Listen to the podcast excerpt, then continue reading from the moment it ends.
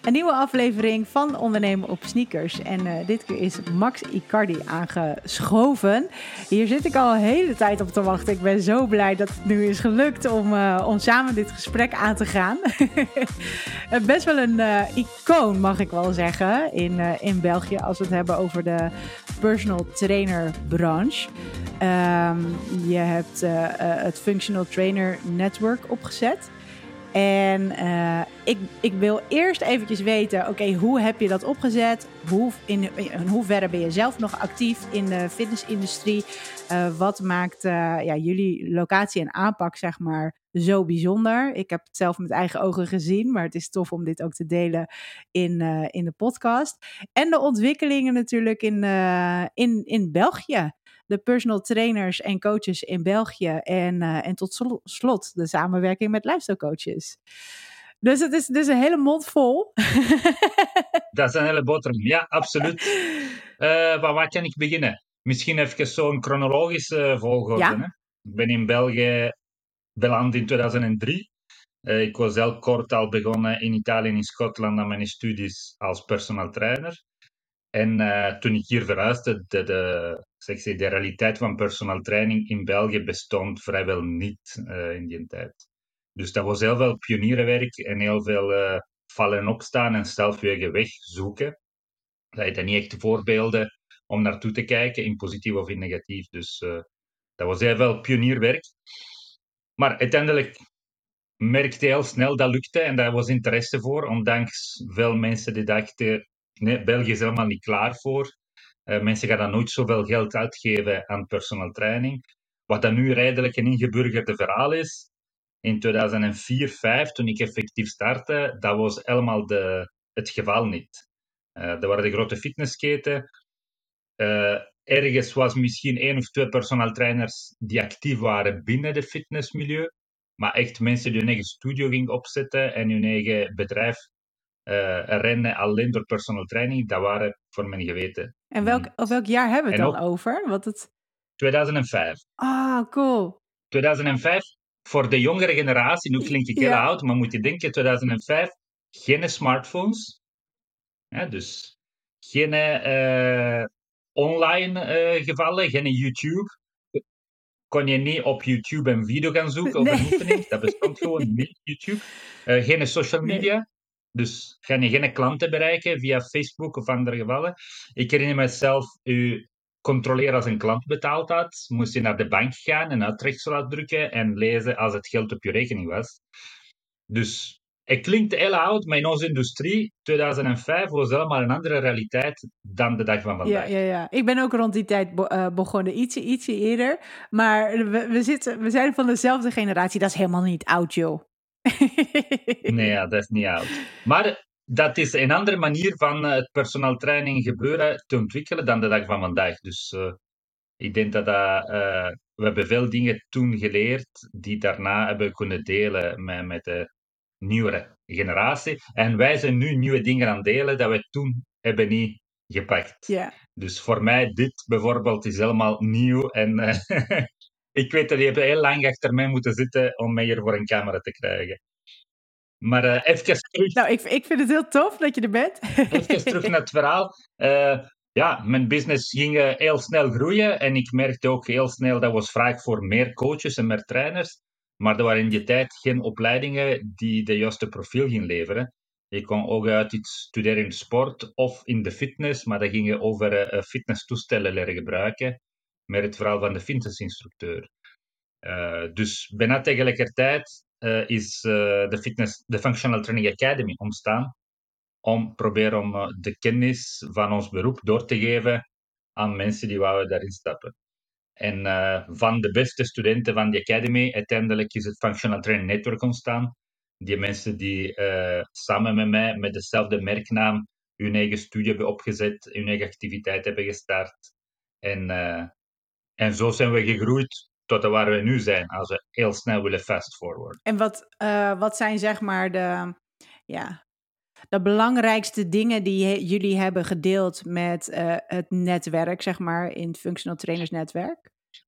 In die periode? We hebben gemerkt in het begin, misschien de belangrijkste zaak was dat ons job kan heel snel eenzaam zijn. Ja, je zit er op je eentje uh, met je klanten, klant na klant, en je ziet weinig collega en je hebt weinig kans van uitwisseling van informatie, maar ook weinig kans van uh, een soort van klankbord te hebben over heel veel zaken. Die kunnen professioneel even als privé. Uh, we gaan door dezelfde struggles, we proberen dezelfde oplossingen te zoeken. Dus misschien een van de eerste grote voordelen was om met gelijkstemde mensen uh, samenkomen en, en de informatie delen. In tweede instantie, dat was inderdaad het delen van contacten, dus je eigen netwerk van potentiële klanten, particulieren en bedrijven groter te maken. Uh, het idee van samen bijvoorbeeld naar leveranciers gaan aankloppen om korting op materialen te hebben. En vooral ook van elkaar leren. Dus een starter dat direct kon advies vragen aan iemand die misschien al een paar jaar in het vak is. Dus dat was de hele opzet van het Functional Training Network te laten starten. Uh, wat dat ook niet... Dat bestaat nog wel, hè? Dat bestaat nog wel. Wat dan niet de uh, bedoeling was, maar uiteindelijk is ook een beetje zo geworden. We wouden nooit een beroepsvereniging zijn. Uh, maar door het gebrek aan voldoende representatie in België voor de personal trainers, veel mensen die ook buiten ons netwerk waren, dus niet de commerciële verhaal, zijn ze een beetje komen aankloppen, zeker in de jaren rond COVID, om advies te vragen van hoe pakken we het aan, hebben jullie nieuws van de overheid? Dus ergens ons netwerk probeer ook om te gaan aankloppen met de overheid en met de juiste instanties om te horen wat en hoe. Maar dat willen we afstappen. We hebben recent een meeting gehad waar we hebben gevraagd aan andere trainers, ook buiten ons netwerk, om samen te denken wat willen wij bereiken als beroepscategorie en hoe willen wij bij de overheid uh, verder gaan. Waardoor dat Functional Training Network kunnen ons concentreren alleen inderdaad over de ondersteuning van de trainers die bij ons aangesloten zijn. Ja, precies. Want het is zeg maar gegroeid en er zijn steeds meer dingen bijgekomen, maar daardoor verlies je ook weer de focus. En het is. Dat verlies je de focus, ja. Het is belangrijk, denk ik, als je gewoon echt uh, uh, grotere dingen wil doen. En weet je, dat heeft niks te maken met wat belangrijker is of zo, maar het is gewoon anders. Hè? De start van jullie netwerk. Dat is een andere job. Is een andere job dan dat je heel veel contact hebt met bijvoorbeeld de overheid en wat willen wij als professionals zeg maar neerzetten en wat hebben we daarvoor nodig en met welke instanties moet je gaan samenwerken of moet je willen gaan samenwerken. Dat, dat heeft een eigen focus nodig. Dus ik denk dat het heel slim ja, is. En daar zit, dat gaat over al de commerciële belangen. In de zin van, dat maakt niet uit als ze bij die organisatie aangesloten zijn of bij een andere. Als iedereen dezelfde job uitoefent, dan moet dezelfde representatie hebben. Terwijl dat onze bedoeling, mijn bedoeling, is om meer te focussen op de trainers die deel zijn van Functional Training Network. Uh, om die de juiste ondersteuning te geven om uh, succesvol te worden in hun zaak en de nodige hulp te vinden bij al hun vragen.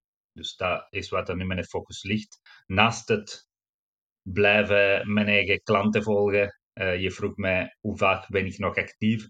Ik vind mijn job heel leuk, dus ik zie mezelf niet stoppen met werken. Het is nooit de bedoeling geweest om uit het personal trainingwereld te stappen. En ik heb nog in de week mijn twintigtal uurtjes personal training, wat ik beschouw als een, eigenlijk een half tijd. Voornamelijk omdat ik dat graag doe, omdat sommige klanten heel uh, trouw gebonden zijn aan mij en een hele goede bron zijn van inspiratie en netwerk. Dus die klanten wil ik niet kwijt. Uh, en ook in de samenwerkingmodel met de trainers, vaak start ik een nieuwe klant op voor een paar sessies, voordat ik dat kan doorgeven aan een andere coach. Dus ik zit er vaak met klanten die bij mij al 15 jaar trainen. En de nieuwe klanten die ze komen aanmelden, die volgen een intakegesprek bij mij. En dan worden ze doorgestuurd naar hun coach. Ja. Nou, dan komen we eigenlijk precies naar het volgende onderdeel. Is dat jouw eigen locatie? Nou, fantastisch. Ik kwam daar binnen, toen dacht ik, wauw. Dankjewel. Dit is stoer. Vertel, wanneer ben je je eigen locatie gestart? Ik vind het altijd leuk om uh, iets nieuw te maken en innoverend en uh, niet wachten tot uh, een bepaalde activiteit volledig uitgeput is om naar de volgende te gaan. Dus ik heb altijd sinds het begin proberen een beetje vooruit te lopen. mijn eerste studio was 40 vierkante meter aan de Groenplaats in Antwerpen. Dus een zaaltje van 8 op 5. Uh, maar dat was toen al innoverend, omdat dit, niemand deed. De meeste personal trainer werkten in de fitness en ik dacht, weet je wat, ik ga een zaaltje huren en ik mag alleen een personal training studio. op een duur is dat niet zo nieuw niet meer. Daar komen andere personal training studios bij. Dus ik was een beetje beu en ik dacht, wat wil ik nu doen? En dan is de tweede studio gestart in Lille, waar we hebben gecombineerd een volledige ervaring van sporten, logeren, het binnen, het buiten, uh, kunnen blijven voor een weekend of een week van intensieve trainingstage. Dat was ook weer al iets nieuws. Maar stilletjes aan, veel andere trainers beginnen om te bruisen van het centrumsteden naar buiten. En die beginnen een buitentrainingsruimte te hebben. En dat vond ik ook niet zo nieuw meer. En ik dacht, oké, wat is de volgende stap? Iets dat ik al lang had gedroomd. En dat was de synergie tussen verschillende uh, sportfiguren, zou ik zeggen.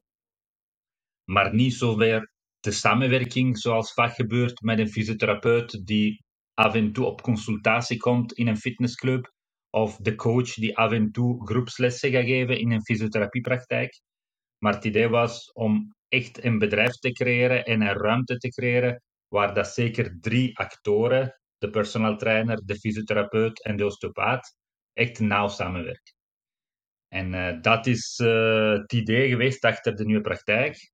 En dan mijn goede collega Tom had oog op dit pand, die fantastisch is, een oud industriële pand in het centrum van Turnhout. Uh, ik heb een beetje de kribbel naar de industrieterreinen, waar dat veel fitnessclubs zich vestigen. Ik vind dat weinig inspirerend. Ik snapte wel de economische redenering, maar ik vind echt zo de charme van een oud gebouw in centrumstad veel mooier om zelf erin te werken. Dus de nieuwe locatie is echt een samenwerking tussen de drie figuren en de klanten die bij ons komen. Kunnen komen van een of een andere route, zou ik zeggen. Misschien komen met een blessure in behandeling met een osteopaat en vandaar worden doorverwijzen naar onze coaches. Of vice versa, ze komen om te trainen en die krijgen wel een of een andere problemen, worden doorverwijzen naar de fysiotherapeut. En zo hebben wij echt zo de de mengeling van de drie activiteiten en niet drie aparte diensten. Ja, je ziet, je ziet het wel steeds vaker, hè, dat mensen samenwerken of dat trainers samenwerken met, uh, met de fysio. Osteopaat zie je eigenlijk, je hoort het wel steeds meer. Maar je ziet het nog niet heel veel gebeuren. Hoe ben jij erop gekomen om dit zeg maar samen te voegen? Ik denk dat de osteopaten beleven een beetje wat we ook beleven als coaches dat zit er weinig eenheid in de uh, achtergrond van de osteopaten. Dat zit er niet altijd dezelfde eenheid in de opleidingen. En dan nog de werkwijze achteraf. Uh, dus is een beroep die afhankelijk van wie dat uitoefent, kan dat wel aansluiten met wat we doen of niet. Uh, ik ken osteopaten bijvoorbeeld, de kaarsen branden voor hun klanten en uh, een beetje mambo-jumbo, uh, iets heel zweverig doen. Ja, dat zijn niet de professionele figuren met wie ik wil samenwerken in mijn studio. Dus dan moet je wel op zoek gaan naar de osteopaten die veel op vlak van manuele therapie, of vlak van aanpak van het lichaam, veel aansluiten met ons verhaal van functionele training en de functie van het lichaam te verbeteren. Dus ik denk dat een van de grote redenen waarom dat nog niet zo ingeburgerd is qua praktijk, is dat niet iedereen heeft altijd de juiste osteopaat vindt die veel aansluit. En daar heb je nog de fysiotherapie. Veel osteopaten en fysiotherapeuten zitten ook vaak in hetzelfde vaarwater van manuele therapie. Dus waar lig je de grens tussen het werk van de fysiotherapeut en het werk van de osteopaat? Dus dat was ook belangrijk dat je twee partijen elkaar kon goed vinden. Dus mijn collega Tom en Bart of van kiesingstherapie en osteopathie, dat ook onderlinge de juiste afspraken kon maken. Maar ik denk dat met alle drie partijen hebben heel veel samen gebrainstormd en uh, proberen een procedure te schrijven tot, tot een ideale samenwerking is. Ja, cool. Heel tof. waarin denk jij dat nog meer jouw, uh, jullie locatie zeg maar in onderscheidt? Als je het hebt over andere locaties in Nederland en België ik denk dat, dat de kleinschaligheid is wel een grotere locatie als je binnenstapt voor een trainingsstudio, maar het is geen mega fitnesscentrum. We zitten op ongeveer 250 vierkante meter. Dus de gezelligheid is dat de klanten zien elkaar ook in beweging, in activiteit. Eh, de mensen die komen te valideren, die zien ook mensen die komen echt sporten of topsporter of Olympische atleten in dezelfde zaal bezig. En dat voor iedereen uh, een uitdaging is wat ze aan het doen zijn. De topsporter is daarom uit te dagen om een selectie te halen, bijvoorbeeld. En naast zit iemand die komt van een zware ongeval, die is net terug gaan leren bewegen. En alle twee tonen voor elkaar hetzelfde respect en alle twee zijn voor elkaar een inspiratiebron. Dus wij zitten niet in een zeer specialistische locatie waar alleen topsporters komen of alleen revaliderende mensen, maar de twee komen samen. En het feit dat redelijk klein is, zorgt voor veel interactie. Ja, ja je, hebt, je ziet ook alles, hè? dat vond ik wel heel tof. Toen ik daar binnenkwam, uh, hè, je, je komt binnen en, en je ziet dan de balie en daarachter, je loopt daar omheen. Uh, dan heb je beslist inderdaad om niet bijvoorbeeld de massagetafels en de behandeltafels weg te stoppen. Ja, er zijn er ook vijf aparte behandelkamers als iemand meer privacy nodig heeft. Maar er zitten evenveel tafels in de sportruimte buiten, waardoor de fysiotherapeuten bijvoorbeeld kunnen heel snel van een manuele mobilisatie naar een oefening gaan en terug. En dus iedereen ziet alles wat aan gebeuren is. Het is een beetje het idee van de open keuken in een restaurant. Ik denk het is ook plezant om te zien de professionals aan het werk. Ja, ja, ja het, het is heel fijn om zeg maar om te schakelen naar de, de trainingszaal en meer in beweging komen. En andersom. Weet je, dus dat, dat werkt sowieso gewoon heel fijn voor de mensen die, uh, die aan het behandelen zijn. Uh, nou, trouwens ook voor de, voor de cliënten natuurlijk, voor de klanten. Uh, en, en dat je veel meer ziet wat er wordt gedaan, waardoor het laagdrempeliger wordt om de stap te maken, Absoluut. even contact te leggen met Dat zijn sommige van onze klanten, die zijn voor de eerste keer naar een osteopaat geweest, sinds dat we de locatie hebben omdat ze hebben nu heel duidelijk wie is het, wat doet die persoon, hoe maak je een afspraak mee en wat kan je van verwachten. En vice versa. Patiënten die al jaren werden behandeld door osteopaten, uh, ineens zijn ze warmer geworden om te gaan bewegen onder begeleiding. Uh, omdat ze hebben daar gesnapt dat de beweging kan ook helpen om sommige van hun problemen verder te behandelen dan alleen de manuele therapie. Dus voor alle drie zaken zijn inderdaad de drempels verlaagd. Ja. En dat was ook een beetje de bedoeling. Ja, gaaf. Heb je nog andere ambities? We gaan zo meteen nog even over, over de community en events praten. Maar heb je nog andere ambities die je misschien al wil delen of nog niet? Er komt altijd vaak op pad. Er zijn heel veel dingen in de koker. Uh, niks concreet, maar ik denk dat onze samenwerkingsproject met uh, Lifestyle Coaches is een van de dingen die al lang in de pipeline stond. Ik denk dat de eerste contacten met, met Rob zijn al uh, drie, vier jaar geleden. Ik ken Rob al tien of vijftien jaar. Dus dat is iets waar ik heel blij ben om nu even te kunnen verzilveren en vorm te geven. Ja. En dan zijn er zeker nog andere zaken, maar voor de dichtbij toekomst. Ja, precies. Ja. Nou, daar gaan we het zo meteen nog even over hebben. Ja, jullie hebben, uh, je, hebt, je hebt een aantal coaches, fysio, osteopaten. Welke, uh, wat hoe zorg jij ervoor dat alle neuzen, en ik vraag dit vaker aan verschillende ondernemers die een team hebben, maar ik vind het een hele belangrijke vraag, uh, omdat mensen die de ambitie hebben om uh, samen te werken met een aantal mensen, partijen. Het hoeft niet per se trainers mhm. te zijn, maar het kunnen dus ook andere specialisten zijn. Hoe zorg je ervoor dat die neuzen dezelfde kant op wijzen? Ja, uh, het is zeker een uitdaging. Maar ik denk dat, dat het einde van, uh, van de rit vooral moet persoonlijk klikken. Nog meer het puur professioneel. Uh, ik denk dat, dat bij ons zijn de koffiekletsen en die momenten, die niet-officiële momenten, even belangrijk als de momenten waar we samen een strategie bepalen. Uh, dus ik denk dat uh, de goede combinatie van het zakelijk en het persoonlijke samenwerken en elkaar vinden, is de sleutel tot succes op zich, voordat je een samenwerking aangaat, check je een beetje dan de werkwijze en de visie van mensen overeenkomt. Je, je, voelt dat direct uh, als die andere partij is iemand die dezelfde visie rond beweging en gezondheid deelt of niet. Mag je een simpele voorbeeld? Bij ons kwamen allemaal overeen dat wij zelf niet bijvoorbeeld de hele deel voeding of supplementatie doen. Alle drie partijen dachten, oké, dit is iets waar we niet sterk in zijn. Dat is niet onze core business, dus wij verwijzen door aan externe partners. Uh, dat zijn de simpele afspraken die in het begin worden gedaan en waar iedereen zich goed bij voelt. Maar een keer de samenwerking start, inderdaad, die initiële afspraken moeten altijd een beetje afgetoetst worden. En misschien kunnen ook veranderen als de drie partijen overeenkomen. We gaan de initiële afspraak wel veranderen. Dus ik denk dat vooral wel flexibiliteit, wel naar elkaar luisteren, uh, eerlijkheid in communicatie. Uh, als iemand niet oké is met iets, wachten niet te lang om naar de andere partij aan te kaarten. Ja, zoals elke relatie, denk ik.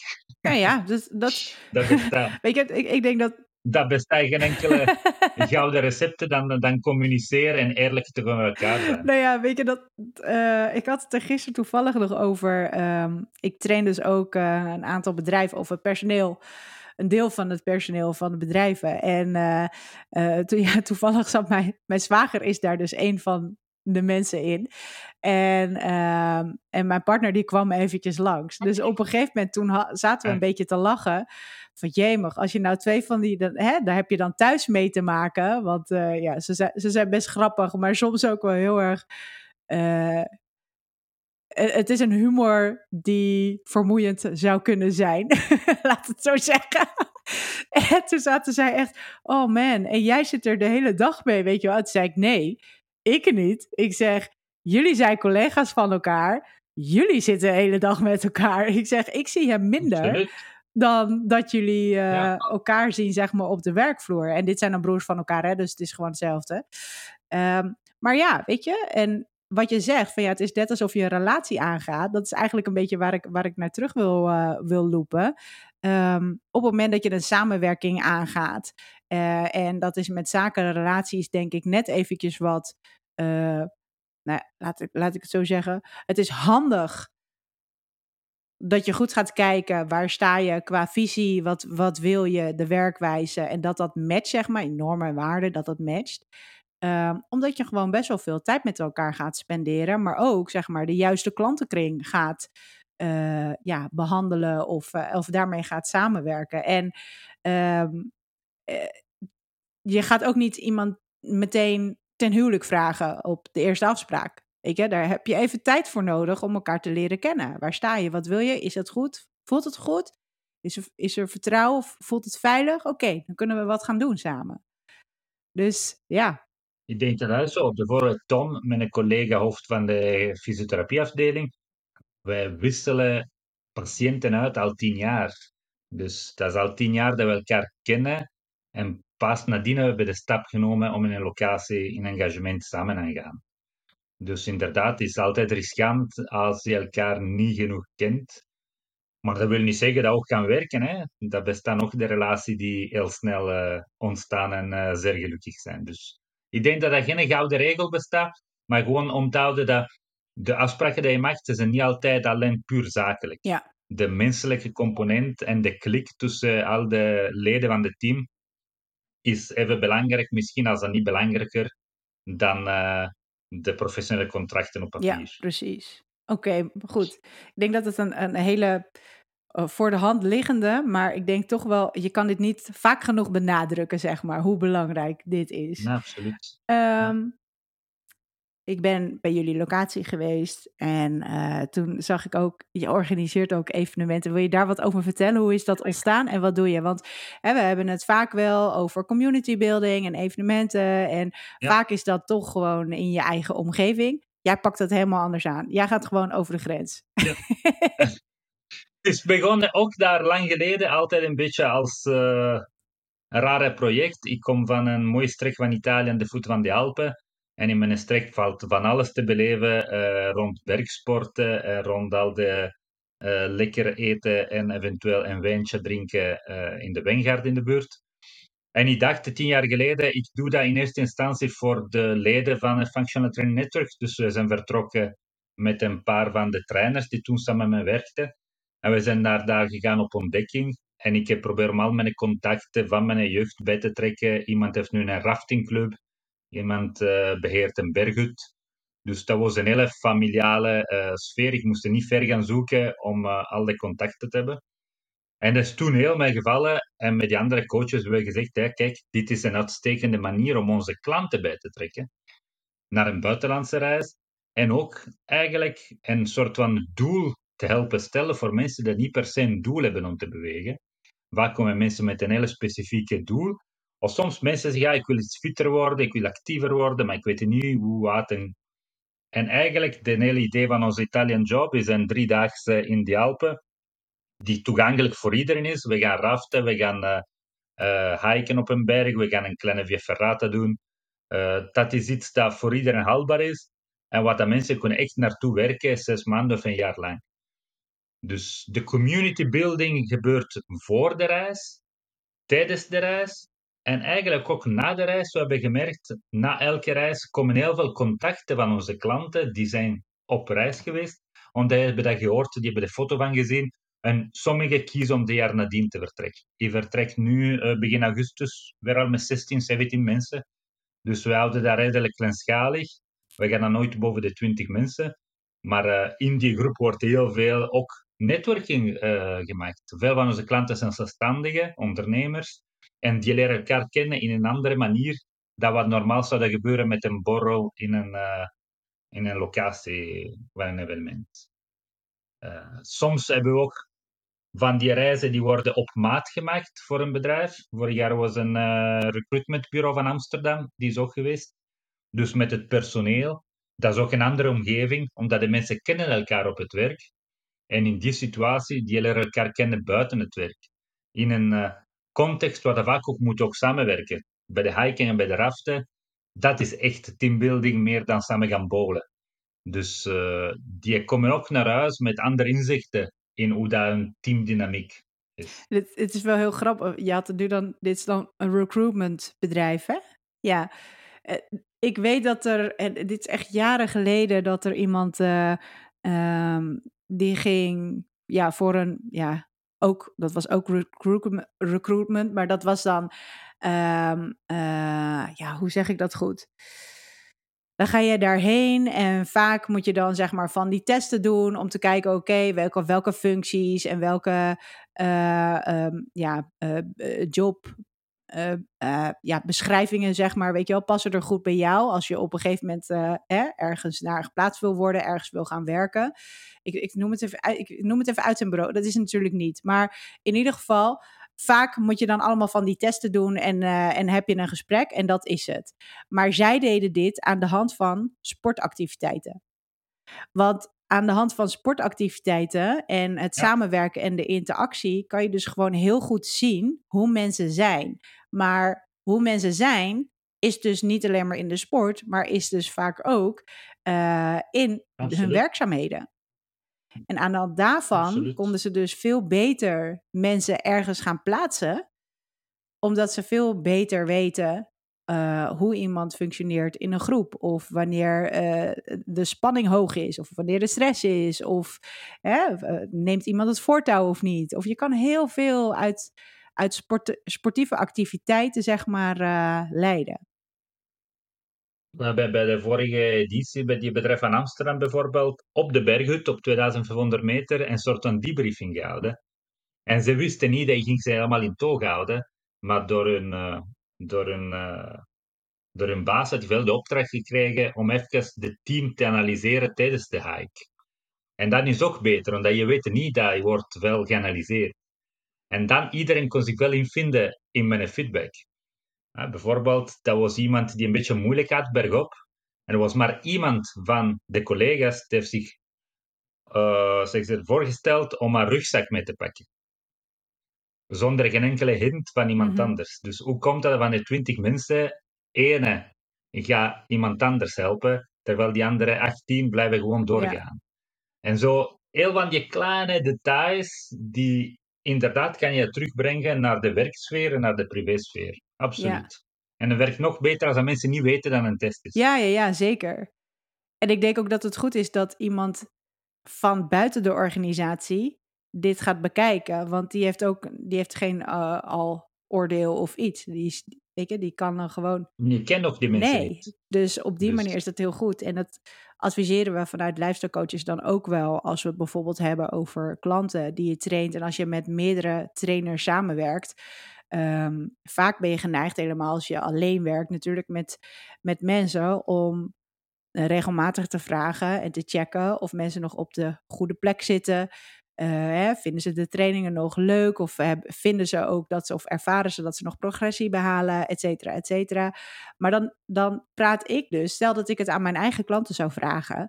Je hebt de hele tijd dezelfde band. Dus je, en als iemand, als stel dat jij mijn klanten zou opbellen. En je gaat vragen stellen die misschien net even ietsje anders zijn, weet je, dan zouden zij hele andere antwoorden kunnen geven waar je weer waar je alle twee van kan leren.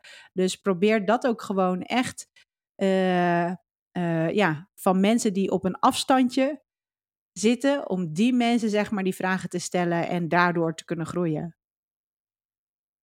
Helemaal correct. Bij ons vak gebeurt ook dat de nieuwe klanten die zich komen aanmelden, die doen de eerste sessie met mij. We doen een beetje de, de testing en de doelstellingen van die klant. En daarna gaan ze een maand lang trainen met een van de coaches die bij mij samenwerken. En dan zien mij pas een maand later. En dan is ook een heel interessante manier om uh, te zorgen dat mijn agenda niet vol uh, geraakt en ontploft. Maar ook, je ziet de interactie tussen de klant en de coach, die samen naar een doel werken om een maand later bij mij te komen en een bepaald doel samen te bereiken. Dus dat creëert een soort van team tussen klant en coach. En ik ben daar de externe auditor die na een maand kijkt, amai, dat is verbeterd, dat nog niet. Je hebt die doel behaald, proficiat alle twee. Dus ik vind dat voor iemand die samen gaat werken met andere coaches een interessante manier om, uh, om de samenwerking in te stellen. Niet zomaar zeggen, hier een lead of een klant, trek je plan. Maar nee, ik neem de klant eerst binnen en dan die persoon gaat een maand lang samen met jou werken naar uh, zijn doel of haar doel. En dan zie ik de persoon terug, omdat je hebt ook die afstandblik. Om te kijken, ah wauw, in een maand is zoveel veranderd. Ja. Dus dat is zeker een interessante manier om samen te werken. Leuk, tof. Als, als trainers zoiets hebben van, god, dit vind ik eigenlijk ook wel een hele toffe, toffe reis, kunnen ze dan aanhaken bij jou? Absoluut. We proberen, en dit jaar bijvoorbeeld zijn coach van Antwerpen, die komt met vier of vijf van zijn klanten.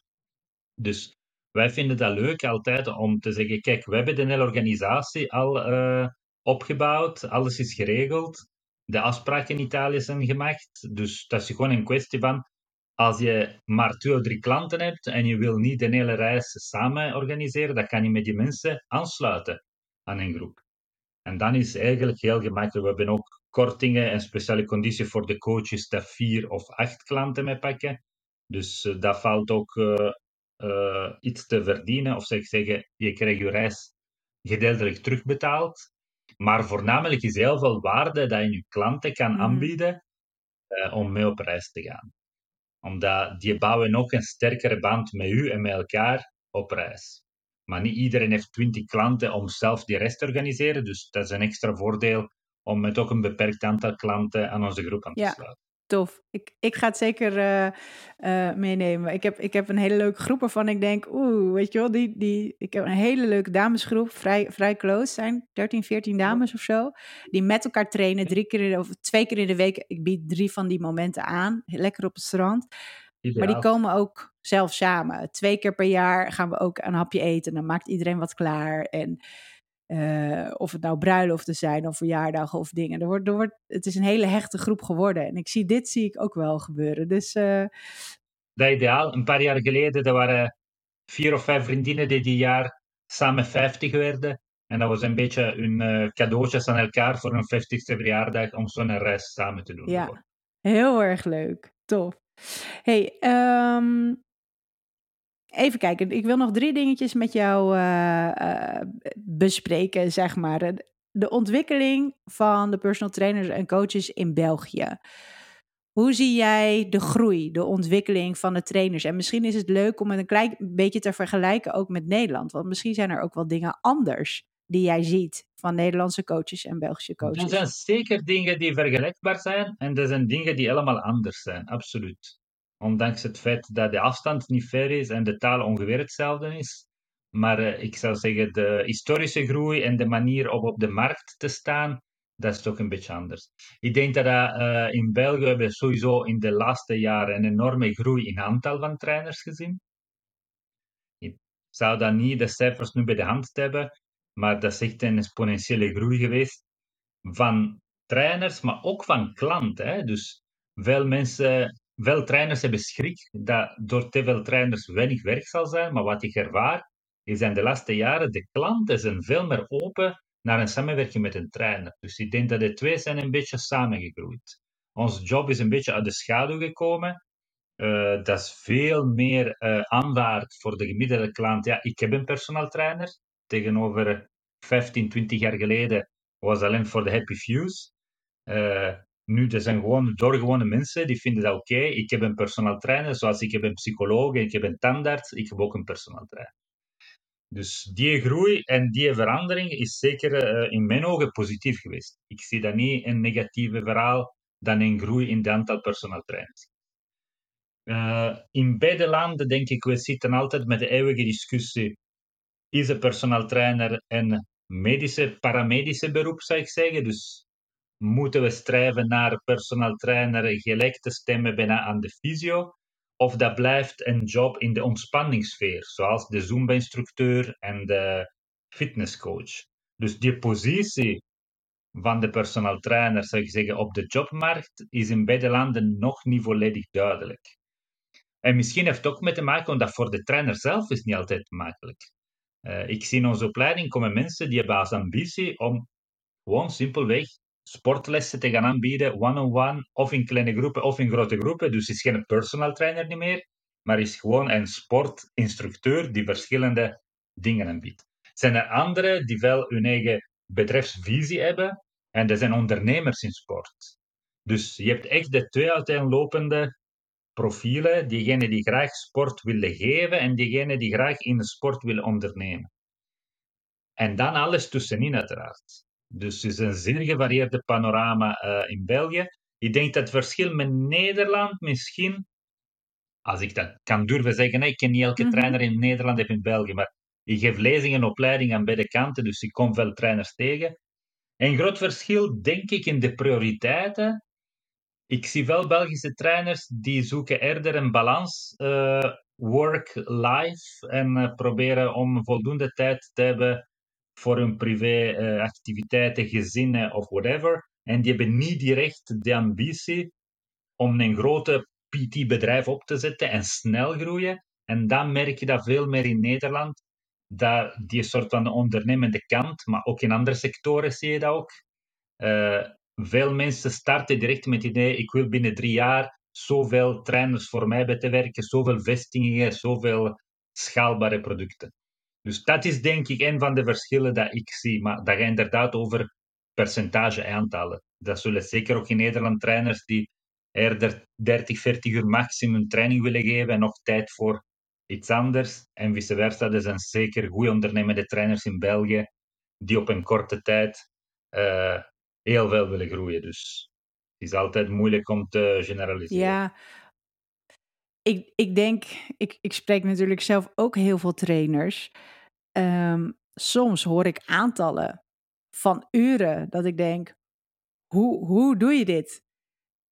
Hoe hou je dit vol? En, ja. uh, en, en um, hoe doe je dit qua, qua privé, zeg maar? Hè? Ik heb zelf, uh, geef ik nu 12, 13 trainingen ja, ongeveer per week. Uh, maar ik reis ook. Dus zeg maar, ik ben ook 12, 13 uur onderweg. Dus ik werk niet vanuit een vaste locatie. Dus dan kan je natuurlijk die aantallen ook niet halen. Dat is ook nooit mijn ambitie geweest. Ik heb mijn, uh, mijn werk-privé-balans.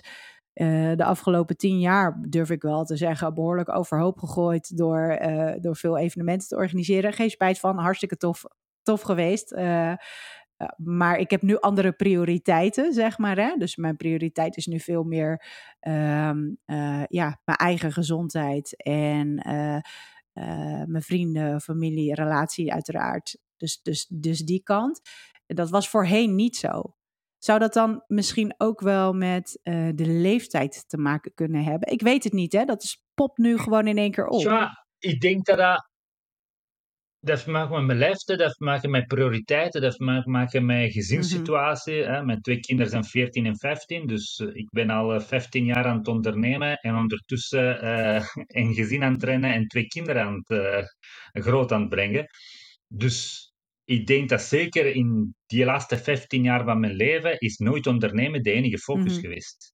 Soms denk ik, zouden twee aparte categorieën moeten maken tussen ondernemen met een gezin en ondernemen zonder omdat als ik 100% van mijn focus en energie en tijd in mijn bedrijf had kunnen steken, ja, dat zou misschien nu ergens anders staan, maar niet noodzakelijk gelukkiger. Dus uh, iedereen maakt een beetje zijn eigen keuze. Maar je weet dat sowieso, als ik kies ook een gezin bij te pakken, ja, uh, uw werktijd en uw werkenergie en de focus is gelimiteerd aan x aantal werkuren per week. Hoe dat je dat invult, dat is iedereen zijn keuze. Maar ik zou dan nooit uh, even zoveel tijd hebben kunnen spenderen als ik geen kinderen, geen vrouw had gehad. Ja. Dus uh, dat neem ik heel graag mee. Uh, dat is meer een meerkamp. dus zijn heel veel ballen in de lucht aan het houden dan gewoon een uh, 100 meter speurter die alleen op speurten concentreert. Ja, ja precies. en zoals je zegt, inderdaad, de aantal uren werk, ja, ik kan dat niet voor iemand anders uh, oordelen, maar ik zou ook geen 10 of 12 uur per dag, zoals sommige Och, mensen ja. training kunnen geven aan mijn kant. Hè. En dan nog evenveel kwaliteit geven aan de laatste klant, evenveel als de eerste. Ik denk dat de laatste klant verdient evenveel aandacht en kwaliteit. Ik kan me geen 12 uur concentreren, tenzij dat ik aan de band aan het werken ben. dat elke klant dezelfde trainingprogramma krijgt voorgeschoteld. En uh, ik doe mijn uh, standaard zinnetjes qua coaching. Maar ja, dat, dat werk ik niet zo. Dus bij mij, elke klant is uniek. En als ik vier, vijf uur in een dag heb gegeven, met de nodige rustpauze, dat denk ik, dat heb ik wel uh, voldoende gegeven. Ja. Ik snap ook niet dat zoveel aantal uren, is dat voor het geld? Ja, dan moet je even kijken. Misschien het is een andere manier om hetzelfde geld te verdienen. Of misschien werken een te tarief, waardoor je zoveel uren nodig hebt om aan een bepaalde inkomsten te komen. Uh, dat is een beetje de business coaching gedeelte dat denk ik veel trainers kunnen gebruiken. Bij ons is in de laatste module van de opleiding. En uh, we, we praten ook over prijssetting en formules en manier om uh, voldoende inkomsten te hebben zonder 12 uur aan een stuk te moeten werken. Ja. Ja, want dat is natuurlijk het tweede. Hè? Dus je, je kan vragen, oké, hoe, hoeveel geef je nu lessen? Ze vinden het allemaal leuk, maar hoe lang hou je het vol? Dat is natuurlijk ook uh, los van de kwaliteit en de focus. Hè? Dus, dus lo, los daarvan. Um, uh, wat wij in luistercoaches dan volgens mij in de, in de tweede fase al behandelen, tweede of de, de derde fase volgens mij, uh, productaanbod en prijsstrategie. Ja, dat is iets wat uh, vaak is ontstaan. En mensen doen dat nog steeds. Zonder dat ze zeg maar op een gegeven moment gaan terugkijken of regelmatig gaan terugkijken van oké, hoe, uh, hoe run ik mijn bedrijf en hoe wil ik mijn omzet laten groeien? Waar haal ik het meeste energie vandaan? Wat, me, uh, wat levert het meeste uh, geld op? Hè? En, en daar keuzes in gaan maken om vervolgens een wat duurzamer toekomstperspectief uit te stippelen. En dat is vaak, denk ik, wat niet wordt gedaan omdat het, wordt, het ontstaat. Het, en daarna wordt er niet meer naar teruggekeken. Ja. Dus het is goed. Ik denk dat dat, en misschien nu komen we dichter, dichter bij ons onderwerp ook. Hè. Uh, er zijn niet weinig coaches die durven om op regelmatige tijdstippen hun eigen bedrijf, hun eigen activiteit onder de loep te nemen en in vraag te stellen. Dat is niet omdat je 15 jaar geleden zo begonnen bent, dat je nu nog in dezelfde manier moet werken. En nu praat ik voor mezelf. Bij mij is altijd een cycli van ongeveer drie jaar. Mm Elke drie jaar gebeurt het iets, ik verander iets, ik start een nieuw project, uh, ik zet een ander project op stop of gewoon in de vuilbak. Uh, ik denk dat dat te veel routine inbouwen zorgt op een duur dat je jezelf niet genoeg vragen stelt. Ben ik effectief in de meest efficiënte manier aan het werken? Wil ik dit nog blijven doen voor de volgende 10, 15 of 20 jaar? Uh, maar veel trainers durven dat niet om dat te doen en durven niet om soms advies te gaan vragen aan iemand. Oké, hoe pak je dat aan en uh, waar kan ik terecht met mijn vragen? En ik denk dat dat was voor mij ook een van de interessantste uh, reden en voornaamste reden om de samenwerking tussen ons aan te gaan. Uh, omdat ik denk dat, dat die ervaring aan beide kanten, Belgische kant en Nederlandse kant, dat kan alleen verrijkend zijn. Ja. Voor, uh, voor de leden van de organisatie. Ja, zeker. Voor, voor de mensen die um, die nog niet precies weten wat eh, jij zeg maar aanbiedt of wat jullie aanbieden met Functional Trainer Network en uh, lifestyle coaches. Wat bieden jullie aan zeg maar in België voor Functional Trainers Network? Laten we daarmee beginnen. Ah, voornamelijk bieden wij een klankbord en een uh, visibiliteit. dus dat is het, de, de, de voornaamste we bieden ook heel veel dingen aan die nu hebben geoptimaliseerd in de samenwerking. zoals bijvoorbeeld de korting met partners, uh, zoals de samenwerkingsmodellen, de brieven, de contracten met uh, eventueel andere trainers. Uh, al de tips, zoals je zegt, alles wat wij geven in onze Academy-traject, is terug te vinden voor de leden van een netwerk in een veel uitgebreidere versie en gebranded versie. Dus wij bieden eigenlijk de ondersteuning die een trainer nodig heeft om zich te focussen alleen op de kern van de zaak, en dat is het training geven en zijn eigen bedrijf mm -hmm. En niet al die andere activiteiten rond van nul moeten verzinnen. Ja, dus dat hebben jullie al beschikbaar gesteld, zeg maar. Dat hebben jullie vastgelegd, gedocumenteerd, ja, beschikbaar gesteld. Ja. Ja. ja. En. Um, hoe gaat het dan, zeg maar, hoe word je lid bij jullie? Je komt aan kloppen en je solliciteert.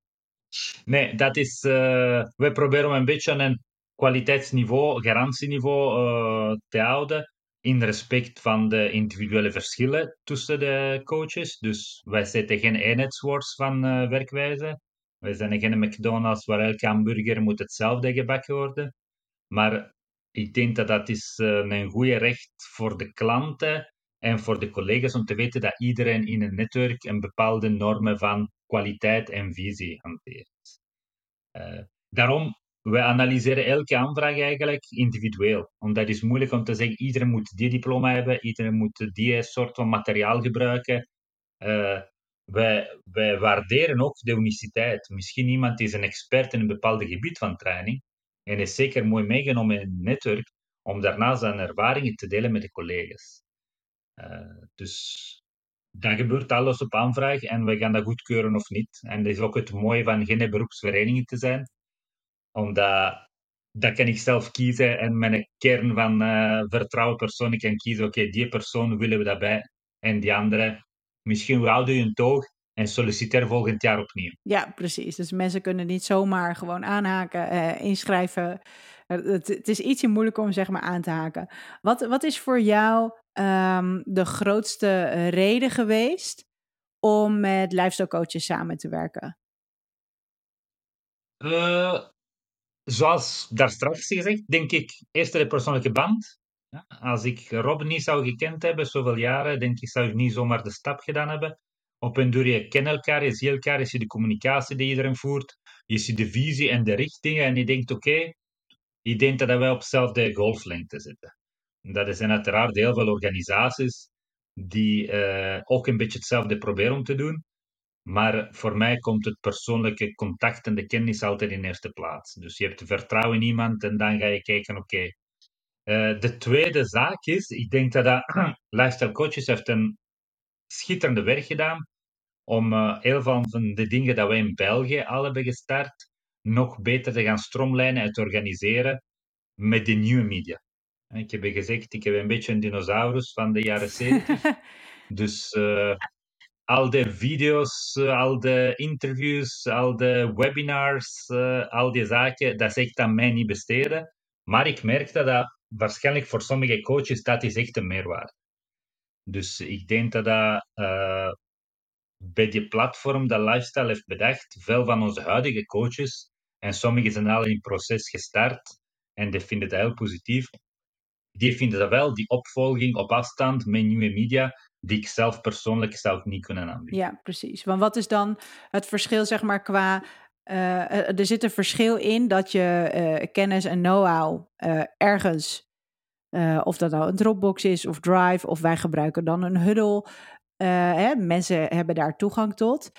Dat is één ding. En je hebt de coaching. En wij doen dat met lifestyle coaches. Doen we dat wekelijks met uh, weekopdrachten gedurende een jaar. En dan heb je echt alle content heb je helemaal binnenstebuiten gekeerd en toegepast. Toegepast, heel belangrijk. Niet, je moet alleen maar niet naar kijken, lezen, luisteren. Ja, ja, je moet niet alleen maar consumeren, je moet er ook niets mee doen. En, um, uh, en wij bieden dan ook zeg maar die coaching aan. Deden, hoe deden jullie dat? Of hoe doen jullie dat? Ah, wel. Uh, we hebben dat lang gedaan, net voor coronatijden, met uh, kwartaalmeetings, dus samenkomsten elke drie maanden.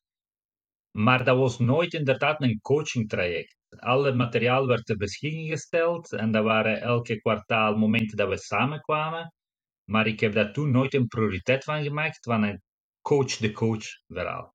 En ik had het gevoel ergens, dat is iets dat ik miste in het netwerk. En dat vraagt voor wat van de coaches. Maar uh, ik was niet van plan om dat zelf op te starten en zelf helemaal uh, te tekenen en te bouwen. En dus van het idee van waarom moet je het warm water er ontdekken? Ik wist dat lifestyle coaches al lang mee bezig was. Ik heb in, kunnen inkijken in de manier van te werken. En ik was helemaal overtuigd dat is iets dat ook aan de Belgische coaches een meerwaarde kan aanbieden. Ja. En ik denk dat dat is uh, een van de manieren waar we elkaar hebben gevonden. Uh, ik heb ook samen met Rob een beetje alles onder handen teruggenomen en ik blijf dan nog aan het werken om een iets Belgischere versie van mhm. maken. Uh, omdat misschien niet alles wat in de coachingformule van toepassing is, niet alle documenten zijn van toepassing. Dus we zijn elkaar aan het kijken wat voor afwijkingen we moeten maken voor de Belgische markt bijvoorbeeld. Om te zorgen dat 100% een product wordt dat ook in België een meerwaarde kan zijn. Ja, het, het zullen dan zeg maar aparte hoofdstukken zijn die toegevoegd kunnen worden, zeg maar. Hè? Dus in grote lijnen is het hetzelfde. Een paar documenten aangepast en eh, een paar, uh, ja, absoluut. Maar we praten over misschien 10% van wat er alles daarin staat. Ja, precies. Wat ik, wat ik heel sterk vind, is dat uh, je heel duidelijk hebt wat je eigen focus is. En dus dan ook ziet van oké, er is hier behoefte aan uh, of naar. Zij kunnen dat aanbieden, dus waarom niet de handen ineens slaan? En dat is denk ik Absoluut. Best wel uniek, kan ik wel zeggen, in deze branche. Want er zijn zoveel egotrippers. Het is zelf ja. doen, zelf doen, zelf ontwikkelen. Ik heb altijd geprobeerd om dat te vermijden. Hè? Ook als coach, ook als personal trainer. Ik heb altijd mijn expertise willen afbaken. Want ik wil wel zeggen, op dat gebied ben ik 100% zeker dat ik kan leveren wat ik beloof. Op andere gebieden is het veel interessanter om de samenwerking aan te gaan. Ik heb nooit voedingsadvies aan mijn klanten ja. gegeven. Ik heb een diploma sportwetenschappen. Ik heb zeker een hele goede stuk van voeding gedaan. Maar als ik me wil concentreren op de functionele trainen, dan kan ik me ook niet concentreren op de voeding. Ja. En als ik ook zelf de voeding in huis neem, dan heb ik nooit een samenwerking met mensen die gewoon specialisten zijn in voeding. Omdat die zien mij als concurrent. Dus ik heb altijd proberen om al de zaken die niet bij mijn interesse, met mijn kerntaken, met mijn pleziersfeer ook uh, passen, uit te besteden en de juiste partner ja. te zoeken. Ja, ik denk dat dat heel sterk dus, is. En dat... Uh, dat is iets dat ik kan alleen aanraden aan iedereen. Ik snap niet het idee om alles zelf te willen doen. Nee, nee, ik ook niet. en dat, is, dat heeft Rob me trouwens geleerd. Toen ik helemaal aan het begin ging, uh, we gaan zo meteen afronden hoor, maar toen, toen we helemaal aan het begin gingen, uh, ik ging starten en ik wilde voor mezelf beginnen. En toen zei ik durfde nog niet. En toen zei Rob, ja, maar wat heb, wat heb je dan nu nog nodig? Waarom denk je dat je nu nog niet iets kan bijdragen aan en niet kan coachen? Noem mij op wat jij nog wil leren, want ik kreeg toen les van hem. En uh, dan ga ik je dat vertellen. En ik kon niet komen. Het was voor mij niet tastbaar. Het was gewoon puur het zelfvertrouwen wat ik nog miste. En, uh, en toen uh, ben ik gaan starten. En dan was vervolgens was het dan ook van. Ja, ik wilde ook eigenlijk wel kunnen masseren. En ik wil eigenlijk ook een fysio worden. En ik wilde eigenlijk ook een voedingscoach. En eigenlijk wilde ik ook. En toen dacht ik, ja, dit, dit maakt me zo kwetsbaar. Het is veel handiger om overal specialisten uh, in te vinden die met mij willen samenwerken, zodat we zeg maar die klanten kunnen, ja, goed kunnen helpen, in plaats van alles maar zelf doen. Ja, tof. Dat lijkt me heel logisch en daarom ben ik ook consequent geweest in de keuze van uh, lifestyle coaches als partner. Om dezelfde werk niet helemaal zelf te moeten gaan. Ja, nou, en voor ons is het 100% focus, hè? Dus bij jou is het iets wat erbij is ontstaan. En voor ons is het, of, eh, voor ons, en dan spreek ik nu eventjes namens lifestyle coaches, is het de 100% de focus om mensen te helpen en begeleiden om hun business goed uh, op te zetten of te optimaliseren. Ja. Tof. Klopt. Leuk. Ik wil je onwijs bedanken. Uh, ik vind het leuk dat we samenwerken. We gaan uh, hele mooie overreviews met, uh, met Pierre opnemen maandelijks. Gaan we doen. Ik heb met hem contact gehad. Uh, dus we, we, gaan je volgen. Ik denk dat het leuk is om misschien na een jaar of zo, of misschien na die trip, die je van de zomer ook gaat maken, misschien met nieuwe ontwikkelingen. De trip zal je normaal helemaal kunnen volgen op Instagram ah. ook. Want de Instagram van Functional Training ja, België. Leuk. Gaan we de elektriep een beetje live ja, goed zo. Gaan we doen. Ik zal alle notities natuurlijk in de show notes zetten. Uh, dus uh, mocht je deze aflevering luisteren en denken: Oh, maar waar kan ik hem vinden? Gewoon even op het linkje klikken en dan kom je vanzelf op ondernemen op sneakers naar een wat uitgebreider artikel, zeg maar, soort van uitgeschreven. Uh, Max Icardi, onwijs bedankt voor het delen van jouw kennis en ervaring. En uh, nou, misschien wel tot de volgende podcast. En anders dan zien we je online. Zeker, dank je Naomi. Dank je wel.